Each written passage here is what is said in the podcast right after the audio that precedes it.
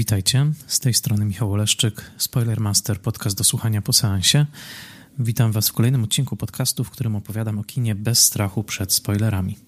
Zapraszam Was do posłuchania odcinka, jeżeli widzieliście film, o którym mówię, ewentualnie jeżeli nie boicie się spoilerów. Jesteśmy cały czas w trakcie pandemii koronawirusa. Postanowiłem na cały ten czas, dopóki nie wrócimy do normalnego rytmu premier kinowych, przejść na tryb Spoiler Master Classic, to znaczy od kilku tygodni opowiadam Wam o kinie klasycznym i tym razem także tak będzie. Tym razem zaproszę Was do opowieści o filmie, który ma całe rzesze fanów i fanek na całym świecie. Jednym z tych filmów, a wcale nie jest ich aż tak dużo, który stał się właściwie emblematem, symbolem kina poprzez kilka kadrów, niektóre rzeczywiście pochodzących z filmu samego, niektóre pochodzące z planu, tak zwanych fotosów, i który trafił pod strzechy na rozmaitych poduszkach, kubkach, plakatach. Obrazy z tego filmu faktycznie stały się ikonami popkultury. Mowa o filmie Śniadanie u Tiffany'ego, filmie Blake'a Edwardsa z, z, roku 1961, opartego na opowiadaniu czy krótkiej powieści Trumana Capotiego z Audrey Hepburn w roli głównej. Sama fraza Śniadanie u Tiffany'ego wystarczy, żeby u wielu widzów wywołać nostalgiczne westchnienie. To jeden z tych filmów, który błyskawicznie wywołuje wspomnienia udanych seansów z przeszłości, aury romantycznej komedii, jednej na pewno z romantycznych komedii wszechczasów, a przede wszystkim ikony stylu, delikatności, nieoczywistego piękna, jaką jest w tym filmie Audrey Hepburn, która, o czym się przekonamy, w tym filmie zmieniła nieco swój wizerunek ekranowy, a na pewno sprawiła, że ten wizerunek dojrzał niejako od tych wcieleń, w których pojawiała się już wcześniej, dodajmy z ogromnym sukcesem. Dzisiaj opowiem Wam trochę o historii powstania tego filmu, o jego kontekście, a także o jego nowojorskich kontekstach, bo to jeden z kluczowych nowojorskich filmów lat 60. A także powiem, co myślę o filmie po latach, do którego wróciłem e, po wielu, wielu latach nieoglądania, dlatego że Śniadanie u Tiffany'ego pamiętam, że pochłonąłem gdzieś w połowie lat 90., później nie wracałem do niego długo i ostatnio przy okazji zajęć, jakie prowadzę na Wydziale Artes Liberales Uniwersytetu Warszawskiego, właśnie zajęć poświęconych Nowemu Jorkowi w kinie, zadałem do obejrzenia ten film studentom, także i po to, żeby samemu go sobie przypomnieć i ta przygoda zaowocowała tym, że po obejrzeniu już po dyskusji ze studentami postanowiłem raz jeszcze sięgnąć do opowiadania Capotiego, poczytać więcej o samym filmie i zastanowić się nad jego miejscem, nie tylko w nowojorskim, nie tylko w moim prywatnym, ale w ogóle w filmowym panteonie. A zatem wyruszajmy na tę podróż ze śniadaniem u Tiffany'ego. Zanim opowiem o samym filmie, jak zawsze wskażę na źródła, na których się opieram, które pomogły mi zrozumieć lepiej ten film i które przestudiowałem zanim zacząłem e, spisywać notatki do tego odcinka. A zatem źródłami do dzisiejszego odcinka jest samo opowiadanie Trumana Capotiego, Breakfast at Tiffany's, które po raz pierwszy przeczytałem w oryginale. Wcześniej czytałem je w polskim przekładzie w e, serii Nike. E, tym razem się zmierzyłem z tym oryginalnym tekstem, e, a także książka sama Wassona pod tytułem Piąta Aleja, Piąta Rano. To jest książka, która jest wydana po polsku, ja także przeczytałem ją w oryginale, ale jest ona dostępna. To jest książka poświęcona historii powstania e, Śniadania u Tiffany'ego, a obok tego również książka tego samego autora, sama Wassona pod tytułem Splurge the Kisser. To jest z kolei monografia twórczości Blake'a Edwardsa, którą napisał właśnie ten sam autor. I to była kolejna książka, która pomogła w przygotowywaniu się do tego odcinka. Zajrzałem także do fragmentów czytanej przed wielu, wielu laty, przy okazji jeszcze filmu Beneta Millera, biografii Capotiego, Capote a Biography, pióra Geralda Clarka i oczywiście, jak zawsze, na niezawodną anglojęzyczną Wikipedię, która czasami bywa bardzo rozbudowana i bardzo fascynująca. A zatem to są źródła, a teraz już przechodzimy do samej opowieści.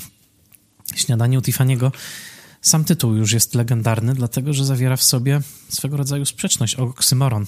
Kto jada śniadania u jubilera i to w salonie jubilerskim, jednym z najsłynniejszych na świecie. Założony w latach 30. XIX wieku firma Tiffany Company, swój najsłynniejszy salon, a tych salonów do dzisiaj posiada wiele, umiejscowiła w bardzo prestiżowej lokalizacji, a mianowicie na rogu Piątej Alei i 57 ulicy w Nowym Jorku i to właśnie u Tiffany'ego, przed, właściwie przed tytułowym salonem, lubi śniadać bohaterka opowiadania i filmu Holly Golightly. Od tego zaczyna się, od tego obrazu zaczyna się film. Zanim jednak film powstał, musiało powstać opowiadanie.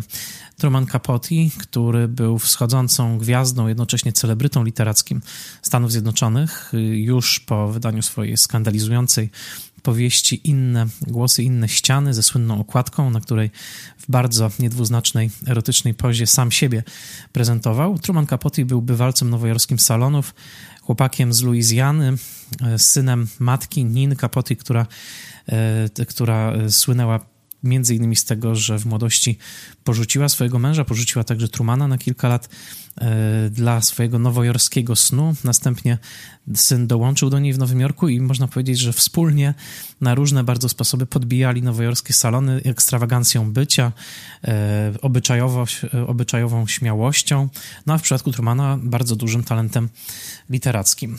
E, Truman Capote napisał śniadanie u Tiffany'ego w, roku, w roku przede wszystkim 57. Wydał je w październiku roku 1958. Opowiadanie to sprzedał najpierw e, Harper's Bazaar. Harper's Bazaar jednak wycofało się, nie chciało opublikować opowiadania, które było pod wieloma względami skandalizujące. I e, w takim, w tych okolicznościach pismo Esquire kupiło od niego prawa do publikacji, a jednocześnie z publikacją w Esquire pojawiła się także edycja książkowa. Owo długie opowiadanie Trumana Capote'ego stało się ogromnym sukcesem literackim. E, Norman Mailer, jeden z najważniejszych pisarzy amerykańskich XX wieku, obwieścił w swojej recenzji, że Truman Capote jest najwybitniejszym współczesnym mu pisarzem e, i że opowiadanie to jest, cytat, doskonałe na poziomie każdego napisanego słowa. Ogromna pochwała od wybitnego pisarza spotkała się także idealnie, równolegle z reakcją czytelników, którzy byli Holly Golightly bohaterką zachwyceni, niektórzy byli nią lekko zgorszeni. Nie było jednak żadnych wątpliwości, że oto na scenie amerykańskiej literatury pojawił się nowy typ bohaterki. Holly Golightly, czyli młoda dziewczyna, która przyjeżdża do Nowego Jorku z Teksasu, z miejscowości o nazwie Tulip. To ważne, że właśnie nazywa się jak kwiat. Holly Golightly już w samym swoim nazwisku ma zapisane lekkie obyczaje. Przeanalizujmy to. Holly z jednej strony wydaje się święta, chociaż tutaj dwa L wskazują także na pokrewieństwo z drzewem, związem, a go lightly, go lightly, dosłownie prowadzić się lekko, chodzić lekko. Rzeczywiście wydaje się, że Holly Golightly jest jednocześnie gałązką, szczupłą, wiotką dziewczyną, jak i dziewczyną, która właśnie goes lightly, czyli e, prowadzi się lekko, innymi słowy e, jest obyczajowo wyzywająca i uprawia seks z mężczyznami, nie czując z tego powodu poczucia winy.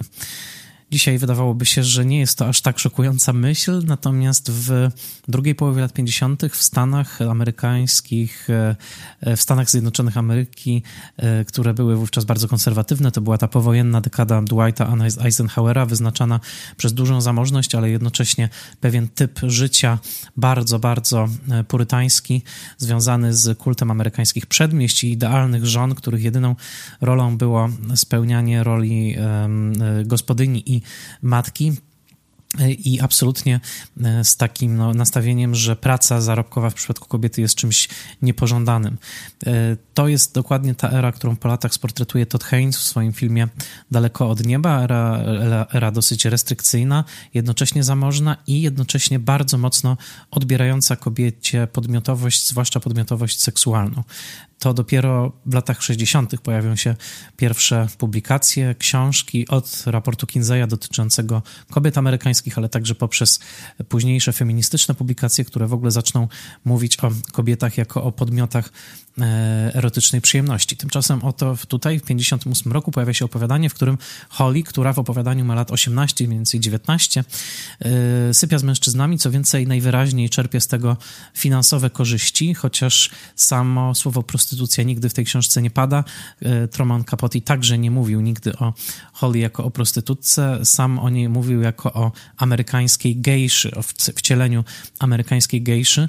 Innymi słowy, chodziło o pewien typ kobiety, która jednocześnie kultywowała swój wygląd, swój styl życia, swoją niezależność pod wieloma względami, a z drugiej strony czerpała finansowe korzyści z, kon, e, z kontaktów z bardzo zamożnymi, selekcjonowanymi e, mężczyznami. Tutaj Holly Golightly w opowiadaniu zamieszkuje Nowy Jork roku 1943. Zwróćmy uwagę, że opowiadanie jest z 58, a zatem w samo opowiadanie wpisana jest pewna nostalgia.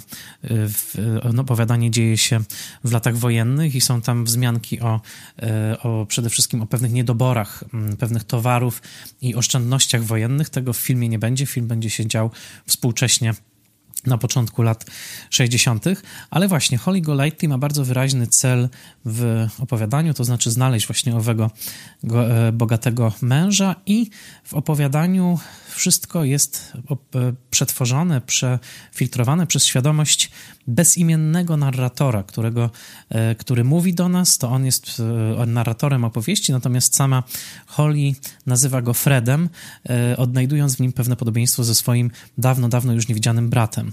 W filmie ta postać się nazywa Paul Warjak, e, sugerując być może węgierskie e, albo chorwackie pochodzenie. W, e, w opowiadaniu narrator nigdy nie zostaje nazwany, jednocześnie my cały czas jesteśmy z nim, dlatego że to jego oczami obserwujemy Holly, a przede wszystkim jego wrażliwością Holly wspominamy, ponieważ jest bardzo wyraźny w opowiadaniu i jest to w zasadzie puenta tego opowiadania, że bohater, mimo że odczuł do Holly coś w rodzaju uczucia e, miłości, to na końcu nie jest nawet jej przyjacielem, dlatego że Holly w ostatnich scenach opowiadania rzeczywiście wyjeżdża do Brazylii, wiedząc już, że co prawda nie czeka na nią tam przyobiecany bogaty mąż, Jose, ale mimo wszystko czeka tam na nią przygoda. E, natomiast w filmie, co jest słynnym przypadkiem doczepienia happy endu na siłę, oczywiście Holly Golightly w ostatniej scenie ląduje w ramionach Pola, e, który, co także bardzo istotne w filmie, jest heteroseksualny. W opowiadaniu jest, jest to, są to bardzo wyraźne sugestie, że jest on homoseksualistą. E, nawet zresztą Holly opisuje siebie jako postać biseksualną. E, swoją drogą oczywiście do filmu takie, tego typu dialogi trafić w roku 61 nie mogły. Holly Golightly była wzorowana na wielu kobietach, które Truman Capote znał w swoim życiu. E, zawsze wymienia się cały łańcuszek rozmaitych kobiet z towarzystwa albo kobiet, które do tego bardziej zamożnego towarzystwa właśnie dostały się poprzez swoją urodę, ale także poprzez świadczenie różnego rodzaju erotycznych usług. E, w każdym razie cały ten łańcuszek, jak nazywał sam Capote, łabędzi, bo on tak określał piękne kobiety, którymi lubił się otaczać, kobiety właśnie z owego tak zwanego Café Society, Ów e, łańcuszek składał się m.in. z Glory Vanderbilt, Uny O'Neill, Carol Marcus, Glory Guinness, ale najbardziej, i tutaj Sam Wasson, właśnie autor książki, o której wspomniałem, wskazuje się na Bibi Paley, żonę jednego z potentatów telewizyjnych, która uczyniła swoją niebywale zamożną egzystencję rodzajem dzieła sztuki. Była mm, bardzo dobrze ubrana, zawsze e, nienagannie, miała gigantyczną, liczącą sobie tysiące, e, tysiące sztuk ubrań garderobę i była także niesłychanie bliską przyjaciółką, e, bliską przyjaciółką Capotiego.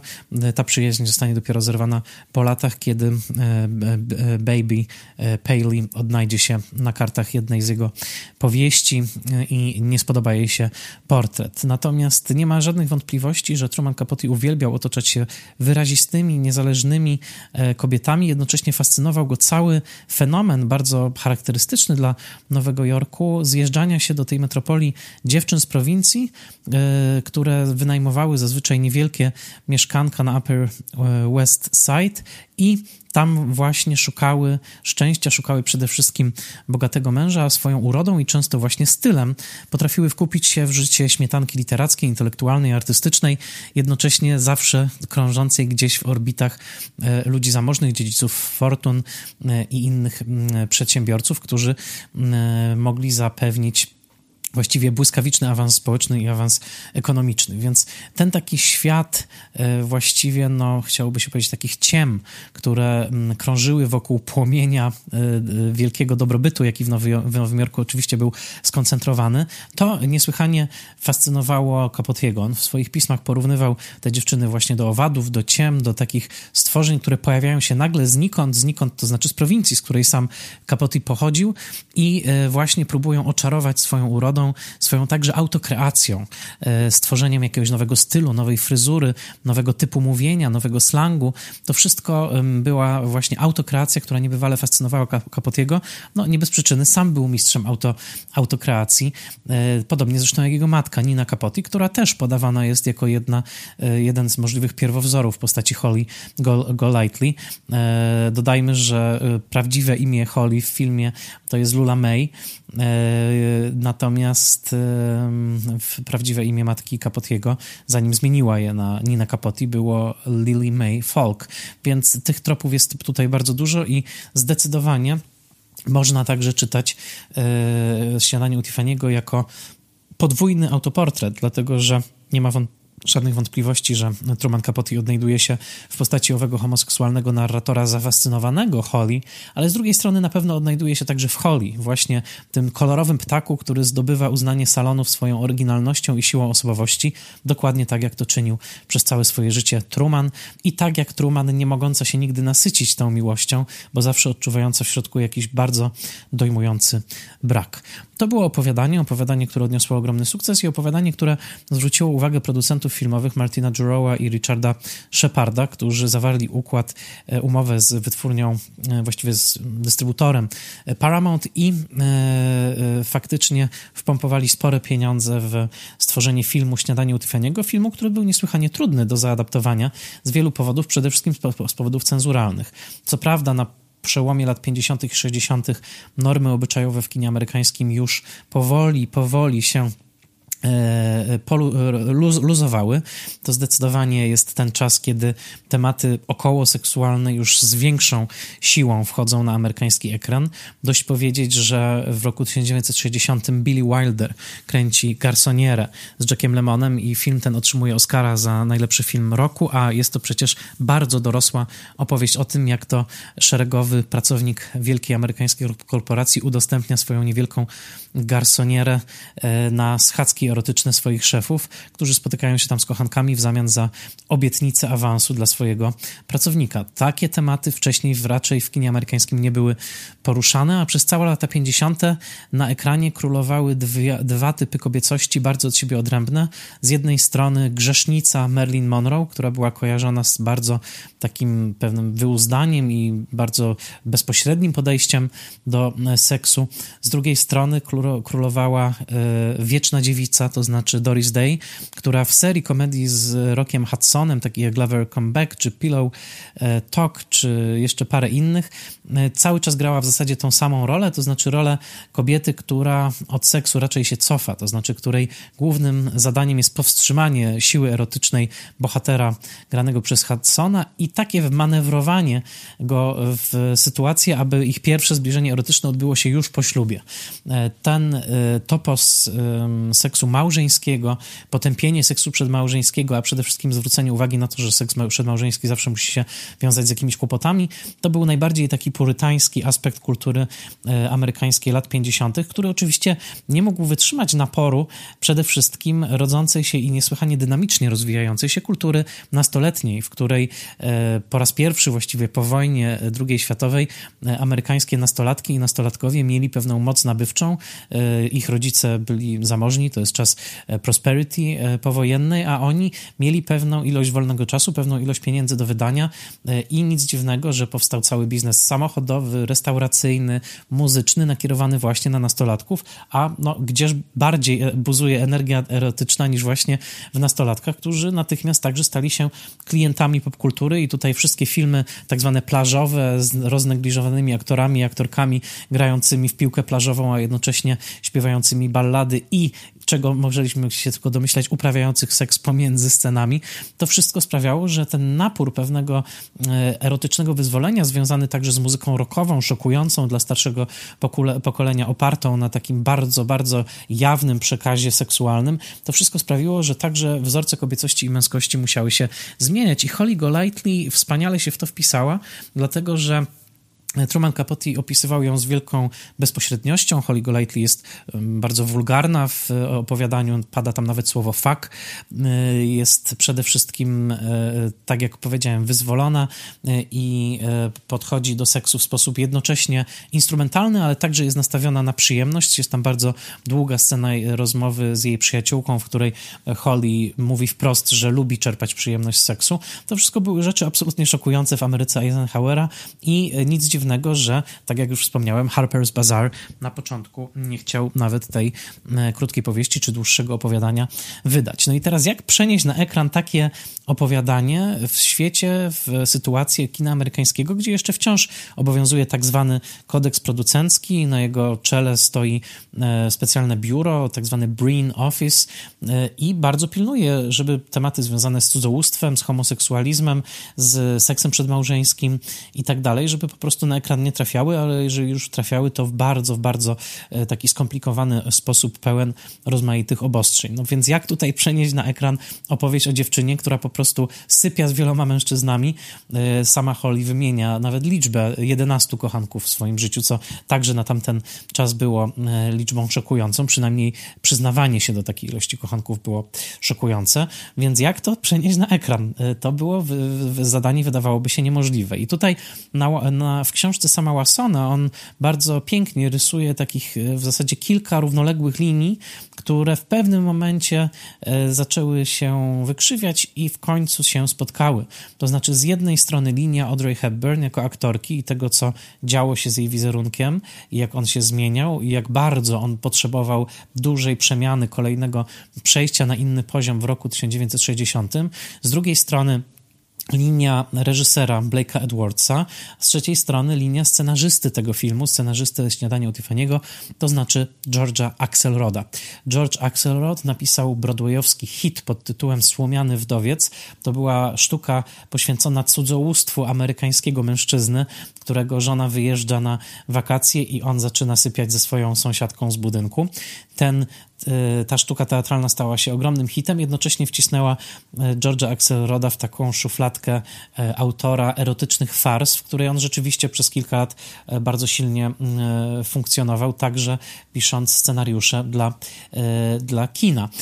George Axelrod i jego Sumiany Wdowiec zostały przeniesione na ekran przez Billy'ego Wildera, ale cóż za charakterystyczne posunięcie, ponieważ nie można było mówić wówczas jeszcze o cudzołóstwie na ekranie amerykańskim wprost. Wszystkie wszystkie sceny cudzołożenia zostały ujęte w Słomianym Wdowcu w nawias fantazji. To znaczy, co prawda, bohater grany przez Toma Ewella no, cudzołoży z rozmaitymi kobietami na ekranie, oczywiście w sposób bardzo powściągliwy, to wszystkie te sceny są tylko projekcją, tylko fantazją głównego bohatera. Zawsze są bardzo wyraźnie otoczone takimi e, znakami jak przenikanie ekranu, rozpuszczanie ekranu, e, fala e, mglista przechodząca przez ekran, sugerujące, że wszystkie te akty cudzołożne znajdują się tylko i wyłącznie, mają miejsce w głowie głównego bohatera. Ale to właśnie George Axelrod marzył bardzo, żeby wydostać się trochę z tego, z tej szufladki y, właśnie pisarza wyłącznie seksualnych fars, w czym zresztą był bardzo dobry i um, takie filmy jak Czy sukces zepsuje e, Roka Huntera, czy bardzo trudny w wypowiedzeniu, ale wypowiem ten tytuł z 57 roku, film pod tytułem Pft, tak się nazywa, Pft, sprawdźcie w internecie, jak to się pisze. E, mianowicie Axelrod bardzo chciał zaadaptować śniadanie u Tiffany'ego na ekran. Producenci nie rozważali go na początku, znaleźli innego autora, który wszakże się nie sprawdził i faktycznie w końcu postanowili powierzyć to zadanie Axelrodowi, który wywiązał się z niego bardzo dobre, bo dobrze, chociaż oczywiście na życzenie producentów, a także w przekonaniu, że tylko w takiej wersji ta opowieść się sprzeda, dopisał szczęśliwe zakończenie, to znaczy już na końcu nie jest tak, że narrator opowiada, że po latach odnalazł kota e, Holly e, szczęśliwie zadomowionego w jakimś nowojorskim mieszkanku i zapewne już z nadanym imieniem, jak to ma miejsce w opowiadaniu, podczas kiedy Holly krąży gdzieś po świecie i najprawdopodobniej jest właśnie uwieczniana przez jakieś afrykańskie plemię w postaci e, rzeźby takiej do, przeznaczonej do religijnego kultu, bo dokładnie tak jest w opowiadaniu, że w pewnym momencie narrator rozpoznaje w takiej rzeźbie rysy Holly i domyśla się, że zapewne stała się ona jakąś boginką w afrykańskim plemieniu. Otóż tego w filmie nie ma. W filmie jest słynna scena w deszczu, w którym Holly najpierw wypuszcza kota swojego bezimiennego na deszcz, następnie go szuka i w deszczu spotyka się z Polem, granym przez George'a Peparda. Padają sobie ramiona. Muzyka Henry'ego Manciniego e, nabrzmiewa na ścieżce dźwiękowej i w ten sposób powstaje happy end. Więc ten happy end dopisał Axelrod. Capotiemu nigdy się ten happy end nie podobał, ale koniec końców trzeba powiedzieć, że Axelrod ciekawie zaadaptował to opowiadanie, bo opowiadanie, które tak mocno jest oparte na subiektywnej perspektywie narratora i tego, jak on widzi Holly, jednak pewnym zadaniem było po pierwsze zobiektywizowanie tego y, opowiadania, to znaczy zobiektywizowanie sytuacji, które tam są, w którym oczywiście widz nie jest w głowie jednego bohatera, tylko obserwuje interakcję obydwojga bohaterów, Pola i y, Pola i Holly, ale z drugiej strony George Axelrod w sposób właściwie mistrzowski obszedł jedną z głównych trudności tej adaptacji, to znaczy jak to zrobić, żeby jednocześnie poruszać się w ramach cenzuralnych, które wówczas były narzucone, a jednocześnie pokazać, że e, po pierwsze Holly e, bierze pieniądze za seks, e, po drugie, że z jakiegoś powodu bardzo długo bohaterowie ze sobą nie sypiają, mimo że obydwoje są heteroseksualni w filmie. W książce jest oczywiste, że bohater jest homoseksualny, więc nie będzie sypiał z Holly. Natomiast jak to pokazać, żeby tutaj był pewien dramat, pewien konflikt, e, który sprawi, że koniec końców ta para pokona jakąś przeszkodę i będzie po prostu razem. E, genialny pomysł Axelroda, rzeczywiście bardzo oryginalny, polegał na tym, żeby z Pola także uczynić e, prostytutkę. To znaczy w filmie Paul jest rodzajem żigolaka, który bierze pieniądze od zamożnych kobiet, tutaj od jednej kobiety zwłaszcza, którą gra Patricia O'Neill i on w tym sensie jest dokładnie taki sam jak Holly, to znaczy on ma swoje marzenie literackie, ma swoje marzenie także mieszkania w Nowym Jorku i dlatego decyduje się właśnie na taki erotyczno-finansowy układ. I Holly dokładnie robi to samo. I jest y, piękny moment, kiedy Holly wczołguje się do łóżka Pola. E, mówi, że po prostu chce się przytulić i wspaniale wiarygodne jest to, że Paul nie chce z nią w tym momencie uprawiać seksu i nie ma na to siły, dlatego że jest wyraźnie powiedziane, że właśnie e, uprawiał seks ze swoją klientką, tak? To znaczy właśnie ową Patricią O'Neill, więc po prostu jest zbyt zmęczony. Także to był świetny pomysł Axelroda, który sugerując, że i Holly i Paul są uwikłani w tego rodzaju sytuacje, no, że to w zasadzie wyklucza na samym początku jakiekolwiek wejście w sytuację romantyczną. Potem, w miarę jak e, Paul uniezależnia się od swojej, e, od, od kobiety, która go utrzymuje, a także e, w miarę tego, jak uświadamia Holly, że tak naprawdę jej marzeniem wcale nie jest wolność, ona mówi o sobie jako wolnym dzikim ptaku, tylko właśnie odnalezienie tej przysłowiowej drugiej połówki, w tym sensie film Śniadanie u Tiffany'ego, co prawda sprzeniewierza się opowiadaniu, ale tłumaczy je na inny gatunek, to znaczy właśnie na gatunek komedii romantycznej, gdzie koniec końców bohaterowie zdają sobie sprawę, że ich miejsce jest właśnie nawzajem w swoich ramionach. To jest scenarzysta George Axelrod, ale przecież nie byłoby śniadania u Tiffany'ego, gdyby nie Audrey Hepburn. Audrey Hepburn, która w roku 50 trzecim odbierała Oscara za e, rzymskie wakacje. Młodziutka przecież wciąż aktorka urodzona w roku 1929, e, także dwudziestokilkuletnia przecież, dopiero 31-letnia, kiedy grała Holly. Niesamowicie właściwie wyjątkowa kariera aktorki, która miała ogromną ilość wad, urody, które we wcześniejszych latach przekreślałyby ją jako ekranową diwę. Jej e, wielu mówiło nadmierna szczupłość, nieproporcjonalność ciała, duże stopy mm, nie, nie, i, i przede wszystkim no, taki typ, który do tej pory nie miał miejsca w amerykańskim, amerykańskiej kinie, pewnej eterycznej, eterycznej urody. Tutaj w rzymskich wakacjach pod batutą Williama Wylera sprawdził się tak wspaniale, że jeszcze w trakcie pracy nad filmem e, wytwórnia Paramount e, no, zaczęła podejrzewać, że najprawdopodobniej ma w rękach rolę Oscarową i zaczęła bardzo intensywną promocję i rzeczywiście Audrey Hepburn dostała jako bardzo młodziutka aktorka Oscara za główną rolę żeńską w rzymskich wakacjach. Sam Wasson wskazuje na moment, w którym księżniczka Anna, którą gra właśnie Audrey Hepburn w rzymskich wakacjach, w którym księżniczka Anna pozwala sobie obciąć włosy, idzie do fryzjera i obcina je na bardzo krótko. E, sam Watson właśnie wskazuje na ten moment jako na moment narodzin Audrey Hepburn na ekranie, to znaczy pewnego nowoczesnego typu e, dziewczyny, troszeczkę chłopczycy, jednocześnie eterycznego anioła, uśmiechniętej dziewczyny z sąsiedztwa. Te wszystkie rzeczy były tutaj obecne, a co bardzo ważne, w tych pierwszych ważnych rolach Audrey Hepburn, także dziewczyny czystej, to znaczy niewinnej, to znaczy, która nie jest zaangażowana bezpośrednio w sytuacje erotyczne.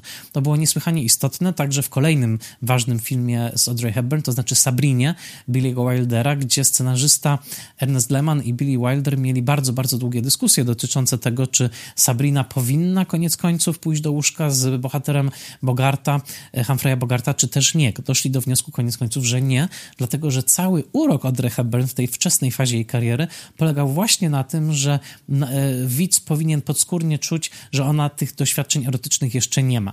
I w tym sensie rola Holly Golightly, zauważcie, że była ogromnym skokiem dla Audrey Hepburn, ponieważ jest ogromny skok od grania księżniczki nieistniejącego państwa w rzymskich wakacjach, yy, która nie miała żadnych erotycznych doświadczeń z yy, mężczyznami do grania dziewczyny z południa Stanów Zjednoczonych, która ma bardzo liczne te doświadczenia, ma na dodatek o wiele starszego od siebie męża, e, kilka przy, kilkoro przybranych dzieci i utrzymuje się w Nowym Jorku właśnie wchodząc w rozmaite alianse z bogatymi mężczyznami. Przyznacie, że jest to bardzo duży skok i skok, którego także sama Audrey Hepburn się obawiała. Przypomnijmy, że rolę Holly Golightly w pierwszej wersji obsadowej miała grać Marilyn Monroe, ale Paula Strasberg, czyli taka mentorka Marilyn Monroe, po przeczytaniu scenariusza, po przeczytaniu opowiadania, powiedziała bardzo wyraźnie: Marilyn nie będzie grała prostytutki.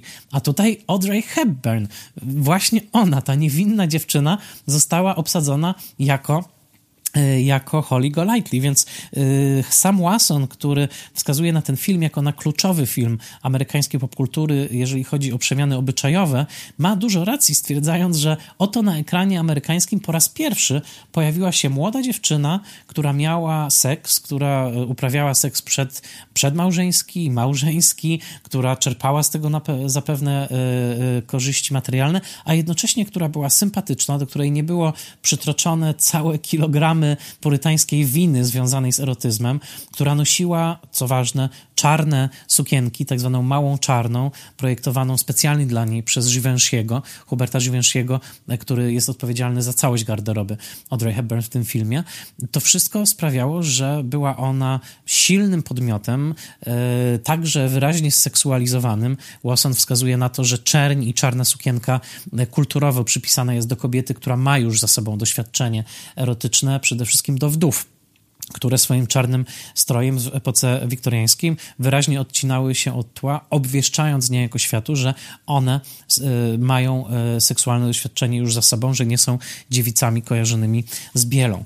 Także y, to wszystko sprawiło, że ten portret Holly Golightly na ekranie był absolutnie rewolucyjny i e, Audrey Hepburn wiedziała po pierwsze, że będzie to rola trudna, że będzie to rola, która e, będzie dużym wyzwaniem także pod względem obyczajowym, to znaczy wybronienie Holly Golightly przed wciąż bardzo mocno purytańską Ameryką, ale także Audrey Hepburn obawiała się tej roli od strony czysto aktorskiej. Pamiętajmy, że Audrey Hepburn nie była klasycznie wykształconą aktorką, że wielu wskazywało na dość liczne braki w jej aktorskim warsztacie i że jej dotychczasowe role opierały się przede wszystkim na świeżości, na umiejętności reżyserów pracy z nią, na umiejętności złapania tego jednego momentu, kiedy ona rzeczywiście potrafiła być bardzo świeża, bardzo autentyczna w swoim geście, ale sama Audrey miała ogromne ilości wątpliwości co do swojego talentu, a także w ogóle nie ufała swojemu talentowi wokalnemu i dlatego nie chciała śpiewać piosenki Moon River, którą napisał Henry Mancini i Johnny Mercer specjalnie dla niej do tego filmu, mimo że Mancini napisał ją szanując ograniczoną, ograniczoną skalę głosu Hepburn, Audrey Hepburn wciąż bardzo się bała zaśpiewać tej piosenki, a także Pamiętajmy, to była pierwsza rola, w której Audrey Hepburn miałaby zagrać tak dużą gamę emocji. Od bycia y, zalotną, poprzez bycia zranioną, delikatną, zabawną, aż po scenę furii i histerii, po tym jak dowiaduje się o śmierci swojego brata Freda to wszystko były prawdziwe, duże wyzwania aktorskie. Audrey Hepburn bardzo się bała, że nie będzie w stanie im sprostać. Sytuacji nie utrudniał także jej ówczesny mąż, to znaczy Mel Ferrer, także aktor, który rutynowo podcinał jej pewność siebie, a także e, zazdrościł reżyserom, którzy pracowali z Audrey i po tym już jak oni ją reżyserowali na planie, w domu on wybijał jej wszystkie wskazówki reżyserskie z głowy i pakował jej głowę zupełnie nowymi wskazówkami, powodując tylko konfuzję i e, także konflikt, zwłaszcza pomiędzy Blake'em Edwardsem i e, Melem Ferrerem. W końcu Blake Edwards musiał powiedzieć Audrey bardzo wyraźnie, że nie życzy sobie, żeby jej mąż reżyserował ją w domu po godzinach. Więc ta sytuacja była skomplikowana także emocjonalnie. Audrey Hepburn miała 31 lat, była świeżo po dwóch bardzo traumatycznych poronieniach. E, w końcu udało jej się urodzić syna Shona bardzo niedługo przed realizacją śniadania Tiffany'ego, a także wiedziała, że styl, który zapoczątkowała, wybierając sama dla siebie stroje Givenchy'ego do filmu Sabrina, e, zapoczątkuje zupełnie nowy rozdział w historii mody na ekranie. Rozdział, który przyćmi e, gwiazdę kostiumografii amerykańskiej Edith Head, która przez wiele lat e, była najważniejszą kostiumografką hollywoodzką, ale która w napisach do śniadania u Tiffany'ego występuje tylko jako costume supervisor, dlatego, że co prawda nadzorowała kostiumy do tego filmu, ale główną gwiazdą kostiumową był tutaj Givenchy i to takie dotknięcie paryskiej mody w filmie amerykańskim i także uczynienie jej prostą, dostępną, uczynienie tej mody czymś, co jest w zasięgu ręki każdej dziewczyny, która ma trochę wyobraźni i jest w stanie przekuć coś bardzo małego i prostego, takiego jak mała czarna, w y, takie wyraźne potwierdzenie swojego osobistego stylu, to sprawiło, że także pod względem modowym, y, y, modowym śniadaniu Tiffany'ego stało się ikoniczne i nie wszystkie elementy oczywiście tutaj były obecne w opowiadaniu Capotiego, dlatego że Capote no, nawet nie wyobrażał sobie takich strojów, o, je, o jakich, jakie stworzył Givenchy na potrzeby filmu, tym bardziej, że akcja opowiadania Capotiego toczyła się przecież w latach wojennych. Słynna, długa cygarniczka dodana przez Blake'a Edwardsa także nie pojawia się u Capotiego, a przecież pojawiła się na słynnym plakacie do filmu, plakacie ikonicznym, w którym Audrey Hepburn z jednej strony odsłania nagą łydkę, sugerując właśnie ową erotyczną pokusę, z drugiej strony ma na sobie ową małą czarną na ramionczkach, z trzeciej strony ma ową długą cygarniczkę, także z, pewnym, z pewną konotacją erotyczną, a na jej ramionach siedzi kot. Kot, który niejako uniewinnia całą tę, cały ten obraz, sprawia, że Audrey Hepburn ujawi się tutaj przede wszystkim jako szalona dziewczyna, Cook, pisane przez K, K, O, O, K, czyli taka trochę wariatka. E, w ten sposób zresztą e, Paramount reklamował ten film i tę postać, że to wcale nie jest żadna prostytutka, żadna dziewczyna lekkich obyczajów, to jest przede wszystkim taka zwariowana dziewczyna, właśnie zwariowana dziewczyna z długą cygarniczką i kotem na kotem na ramionach. Więc mamy Audrey Hepburn, mamy e, Georgia Axelroda, mamy muzykę e, Henry Mancini i e, Johnny Mercer i mamy to kluczowe reżysera. Reżysera, który odcisnął swoje ogromne piętno na tym filmie. Odcisnął je przede wszystkim pozytywnie, ale także w kilku e, przypadkach negatywnie. Blake Edwards. Kim jest Blake Edwards? Blake Edwards jest jednym z najbardziej fascynujących reżyserów kina amerykańskiego. Niestety u nas znanym tylko bardzo wyrywkowo. Zazwyczaj znamy przede wszystkim jego filmy z serii Różowa Pantera, ale jest to jeden z bardzo nielicznych amerykańskich reżyserów, który można powiedzieć, łączy epokę klasycznego kina hollywoodzkiego, dlatego że zaczął jeszcze w latach 50., z późnym kinem dwudziestowiecznym, to znaczy z tym kinem już, które przeszło wszelkie możliwe wstrząsy produkcyjne, cenzuralne i tak naprawdę Blake Edwards jest jednym z bardzo, bardzo licznych reżyserów, który potrafił kręcić hity i w latach 50. i w latach 80., aż do wczesnych 90. Ma bardzo nierówną karierę, jest tam ogromna ilość filmów nieudanych, ale te udane bardzo często ocierają się o arcydzieła. Powiedziałbym, że Śniadanie u Tiffany'ego jest gdzieś w połowie drogi. Uważam, że jest to film udany, ale nie jest arcydziełem. Natomiast Blake Edwards miał jedną cechę bardzo ważną. Był niebywale precyzyjnym inscenizatorem, ale także był kimś, kto stosunkowo wcześnie odkrył na nowo sztukę slapsticku, to znaczy sztukę fizycznego humoru opartego na rozbudowanych gagach, na rozbudowanych sytuacjach komicznych, przede wszystkim o charakterze fizycznym. Wszelkie upadki, pomyłki, niespodziewane wykorzystania przestrzeni, rekwizytu, to wszystko, co kojarzymy z kinem Chaplina, Keatona i Lloyda, to właśnie Blake Edwards, nawet wcześniej niż to zrobi Jerry Lewis w dekadzie lat 60., to Blake Edwards odkrył te wartości na nowo i co więcej, postanowił, że stanie się nowym mistrzem slapsticku, który nie tylko odnowi slapstick, ale także który go poszerzy, który go poszerzy o nowe możliwości techniczne kina.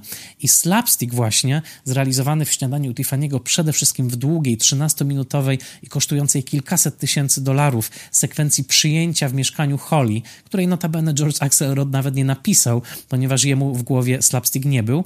E, ta scena, e, w której między innymi Holly podpala kapelusz jednej z kobiet, które są gośćmi, a inny gość sprawdzając godzinę na zegarku odwraca dłoń i jednocześnie gasi pożar na kapeluszu, przechylając drinka, który wylewa się na ów płomień. Tego typu gagi to był żywioł Blake Edwardsa i już w roku 1968 Blake Edwards da pełen upust swojej gagowej wyobraźni, tworząc rozpisane na szeroki ekran Panavision arcydzieło slapsticku, nieprawdopodobnie skomplikowany technicznie film pod tytułem Przyjęcie, The Party z Peterem Sellersem w roli głównej. Ale jak dzisiaj patrzymy na śniadanie u Tiffany'ego, bardzo widać, że w tym filmie zmagają się dwie tendencje Blake'a Edwardsa. Z jednej strony skupienie na aktorach, skupienie na dialogu, skupienie na dowcipnym dialogu, e, takim, na takim ciągłym ping-pongu pomiędzy dwiema postaciami. To będzie ogromna jego siła w następnym filmie, to znaczy w Dniach Wina i Róż,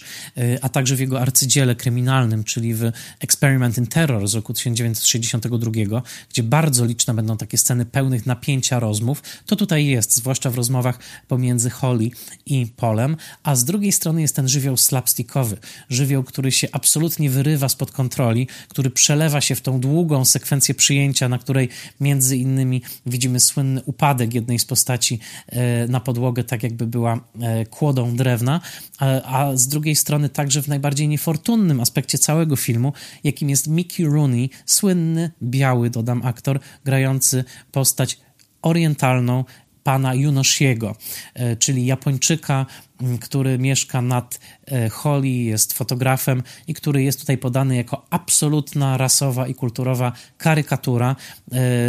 E, można powiedzieć, że jest to ogromny, ogromny błąd ze strony Blake'a Edwardsa. Swoją drogą on bardzo szybko zdał sobie sprawę, że to był błąd. E, między innymi, kiedy parę lat po nakręceniu filmu Śniadanie, Śniadanie u Tiffany'ego był na przyjęciu w domu Akiry Kurosawy na przełomie lat 60. i 70. w Japonii i Akira Kurosawa powiedział mu, jak bardzo był dotknięty tą karykaturą właśnie w postaci Junoshiego, zagranego przez wykrzewiającego gębę na wszelkie możliwe sposoby Mikeja Runeya, a Edwards przyznał wówczas, że to był błąd. E, co więcej, nie tylko był to błąd właśnie w takim, w takim głupim stylu naśmiewania się z rozmaitych etnicznych stereotypów i na dodatek jeszcze w wykonaniu białego aktora upacykowanego na skośno okość, to wszystko jeszcze na dodatek było pogłębione tym, że w trakcie realizacji e, dział reklamy Paramountu wymyślił całą historyjkę o rzekomym japońskim aktorze, który rzekomo przyjechał do Stanów Zjednoczonych i rzekomo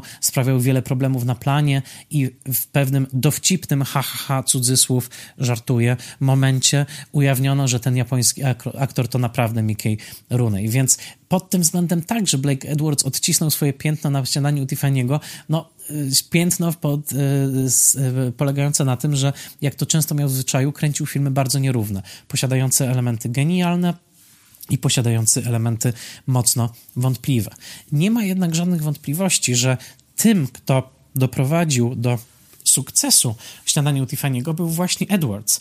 Nadał filmowi nowoczesną formę jak na rok 61. Poeksperymentował gatunkowo, połączył elementy slapsticku z wyrafinowaną komedią słowną, a przede wszystkim poprowadził Audrey Hepburn przez niebywale trudną z wielu powodów, od charakterologicznych poprzez wokalne aż do obyczajowych powodów i poprowadził ją ku zwycięstwu. Poprowadził ją ku roli ikonicznej, ku roli jednocześnie delikatnej i emocjonalnej i ku roli, która zapewniła Audrey Hepburn nominację do Oscara dla najlepszej aktorki.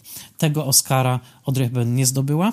E, zdobyła tego Oscara tego roku Sofia Loren za film Matka i córka Vittorio De Sici. Tutaj polecam swój odcinek podcastu o złodziejach rowerów. Natomiast e, nie ma żadnych wątpliwości, patrząc na tą rolę po latach, możemy się domyślać różnych ograniczeń aktorskich Audrey Hepburn, ale to w jaki sposób ona jest w tym filmie poprowadzona, w jaki sposób także choreograficznie jest e, przeprowadzona przez przestrzeń Nowego Jorku, przez przestrzeń swojego zagraconego mieszkania z niebywałymi pomysłami scenograficznymi, takimi jak przecięta w pół wanna przerobiona na kanapę. Dodam, że scenografia w tym filmie także doczekała się Oscarowej nominacji. To wszystko sprawia, że rzeczywiście ten bardzo delikatny, dziwny literacki twór, ulotny, nie mogący się zamknąć w jednej definicji, jakim jest Holly Golightly, jednak na ekranie ożył i ożył w dużej zgodzie z tym, co napisał na kartach swojego opowiadania Truman Capote, mimo że przecież literalnie jest to film, który sprzeniewierza się opowiadaniu,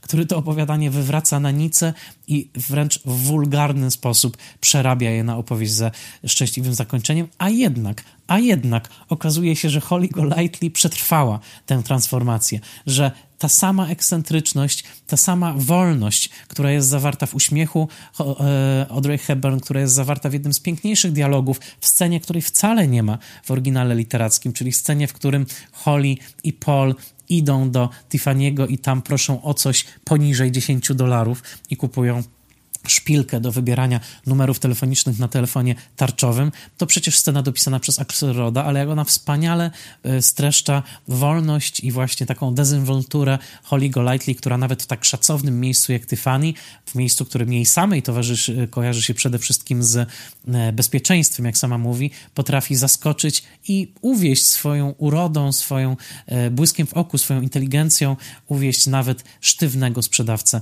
Tiffany'ego. Więc to wszystko się tutaj udało. Piosenka Moon River, która przecież ma wymiar troszeczkę folkowy, bo to jest taka piosenka właśnie dziewczyny z południa, o jakiejś rzece, w której odbija się e, zachód księżyca, w, której, e, w którą płyną dwóch drifters, czyli dwóch włóczęgów. To przecież jest troszeczkę folkowa piosenka, pięknie zaśpiewana cieniutkim głosikiem Audrey Hepburn także w tym filmie wybrzmiewa.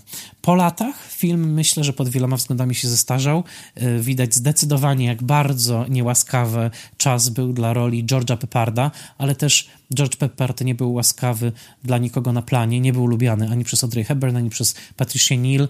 E, Sam Wasson pisze wprost, że George Peppard był przekonany o tym, że jest największą gwiazdą tego filmu i był bardzo zarozumiały na planie. I rzeczywiście Paul nie jest zbyt interesującą postacią, ale jest jednocześnie tłem na tyle neutralnym i na tyle mdłym, że na jego właśnie tle Holly błyszczy tym mocniej. Jest tym nieprawdopodobnym bursztynem i dziewczyną, e, który ma w sobie jakąś zatopioną tajemnicę, ma połyskujące jakieś drugie życie, którego możemy się tylko domyślać. Holly, która jest trochę inna w kontakcie z Polem, która jest trochę inna w kontakcie z hollywoodzkimi producentami, która jest trochę inna wtedy, kiedy wdzięczy się do bogaczy i trochę inna, kiedy nagle rozmawia ze swoim starym mężem, granym przez Badiego Hacketa, weterana westernów telewizyjnych, w pięknej scenie ich spotkania. To wszystko jest naprawdę wspaniały przykład aktorki, która ma dobrego reżysera u boku, która ma świetny materiał literacki, która ma duże wyzwanie i która na naszych oczach przeskakuje przez płonącą obręcz i dochodzi do nowego miejsca swojej kariery. Sam Watson wspomina kręcenie sceny pierwszej, otwierającej, to znaczy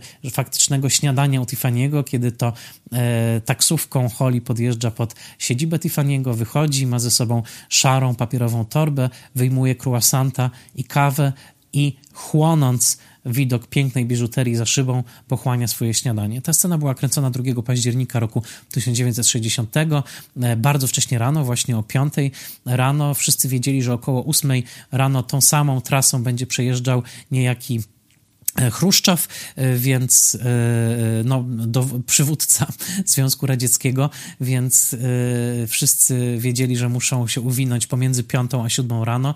Skręceniem był to trudny dzień dla Audrey Hepburn, bardzo się obawiała tego pierwszego dnia, ale powstał obraz rzeczywiście ikoniczny. Nie trzeba też mówić, że od najwcześniejszych godzin porannych, mimo zamknięcia dużej części Piątej Alei, czego nie robi się znowu tak często, na planie gromadziły się tłumy gapiów i tłumy fanów. Powstał moment ikoniczny, moment przepiękny, moment wprowadzający motyw muzyczny Henry'ego Manciniego, a jednocześnie moment, o którym nie da się nie myśleć, kiedy los zawiedzie nas na Piątą Aleję i 57 ulicę, a mnie zawiódł już kilka razy, ilekroć przechodzę obok Tiffany'ego, oczywiście tak jak miliony innych, myślę sobie właśnie o tym śniadaniu, które tam spożywała Audrey Hepburn, znana także jako Holly Golightly.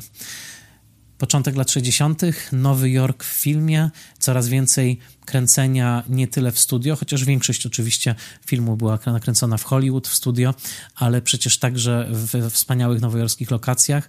W latach 60. coraz więcej filmów nowojorskich będzie kręconych w autentycznych lokacjach i dla mnie ta dekada, która rozpoczyna się tym wspaniałym snem Holly Golightly, jest symbolicznie domknięta filmem Nocny Cowboy z roku 1969, gdzie zobaczymy młodego chłopaka z prowincji, granego przez Johna Wojta, który także przyjeżdża do Nowego Jorku, który także ma marzenie, który także marzenie to chce realizować poprzez prostytuowanie się, wchodzenie właśnie w relacje z zamożnymi kobietami i chce być takim kowbojem dla każdej Nowojorki która zechce za takiego kowboja zapłacić. Przecież to ta sama historia, ta sama historia o Nowym Jorku jako o wielkim lepie na muchy albo na piękne motyle, które przyjeżdżają i spalają się w tym ogniu, nie są w stanie odnaleźć szczęścia. I dokładnie przecież ten sam topos. Co więcej, w Nocnym Kowboju jest scena, w której e, główny bohater mija Tiffany'ego. Dokładnie mija to samo miejsce, w którym była Holly i widzi pod e, siedzibą Tiffany'ego śpiącego włóczęgę. I ten kontrast diamentów za szybą, jubilerskich cudów za grubą pancerną szybą z tym brudnym i biednym człowiekiem na zewnątrz jest jednocześnie kontrastem, który wciela w sobie Amerykę, tak jak widział ją ironicznym okiem brytyjski reżyser John Schlesinger. W filmie Blake'a Edwardsa Nowy Jork jest jedną wielką obietnicą, magicznym miastem, gdzie możemy co prawda mieć ostatnich 5 dolarów w kieszeni i y, tylko kasę na kawę i e, croissanta, ale jednocześnie tego croissanta i tę kawę możemy e, skonsumować, patrząc na najpiękniejsze klejnoty świata. To wielki nowojorski paradoks, ciągłe mijanie się biedy i bogactwa, aspiracji i rozczarowania, dziewczyn, które marzą o dostatnim życiu i tych, które być może już to życie uzyskały, ale zrozumiały, że wcale nie jest ono tak, tak, tak satysfakcjonujące. To wszystko zawarł w swoim opowiadaniu Truman Capote, tą miłość do Nowego Jorku, tą miłość do pewnej obietnicy tego miasta, jednocześnie świadomość, że tak naprawdę ono nie może zaspokoić braku miłości i pustki, jaką wszyscy w sobie gdzieś tam w sercu nosimy i marzymy o jej zapełnieniu. To wszystko spisał Capote i to wszystko na swój sposób, nie w całości, nie z takim wyrafinowaniem, nie z taką spójnością, ale jednak przetłumaczył na język kina Blake Edwards, dając jednocześnie komedię romantyczną, komedię slapstickową, ikonę stylu i film, który po latach nadal się dobrze ogląda, mimo że coraz grubsza warstwa patyny się na nim zbiera. A mimo to Holly Golightly wciąż jaśnieje. Mam nadzieję, że jeżeli nie widzieliście filmu, to e, po tym krótkiej opowieści zechcecie go obejrzeć, a jeżeli go już widzieliście, to że obejrzycie go jeszcze raz, tym razem z świadomością tych wszystkich kontekstów, które starałem się przywołać. Bardzo Wam dziękuję za słuchanie. Dziękuję wszystkim, którzy wspierają Spoilermastera, lajkując na Facebooku i szerując y, y, podcast w swoich mediach społecznościowych. Dziękuję także przyjaciołom Spoilermastera, czyli kinom zaprzyjaźnionym, Kino Amondo w Warszawie, Kino ASP w Katowicach, Kino Charlie w Łodzi, CSW Toruń, Kino Centrum, DKF Cafe Inni w Rudzie Śląskiej, DKF Kino Chłon w Augustowie, Gdyńskie Centrum Filmowe, Kino Paradoks w Krakowie, Kino Sfinks w Nowej Hucie, Kino Sokół w Nowym Sączu, Kino Świt na Warszawskim Targówku, Kinoteka Tarnogórskie Centrum Kultury, DKF Olbrzym, DKF Rewers w kinie Zorza w Chełmie, DKF Uciecha w Górze Kalwarii. Bardzo Wam dziękuję i trzymam ogromnie kciuki za to, żeby już szybko, podobno fryzjerów niedługo otwierają, więc tym bardziej mam nadzieję, że otworzą kina. Jeżeli jesteście zainteresowani otrzymaniem naklejki Spoilermastera, piszcie do mnie na michal.oleszczykgmail.com, a ja serdecznie Was dzisiaj pozdrawiam. Bardzo zachęcam do spotkania ponownego z Holly Golightly i do usłyszenia za tydzień w Spoiler Master, podcast do słuchania po seansie.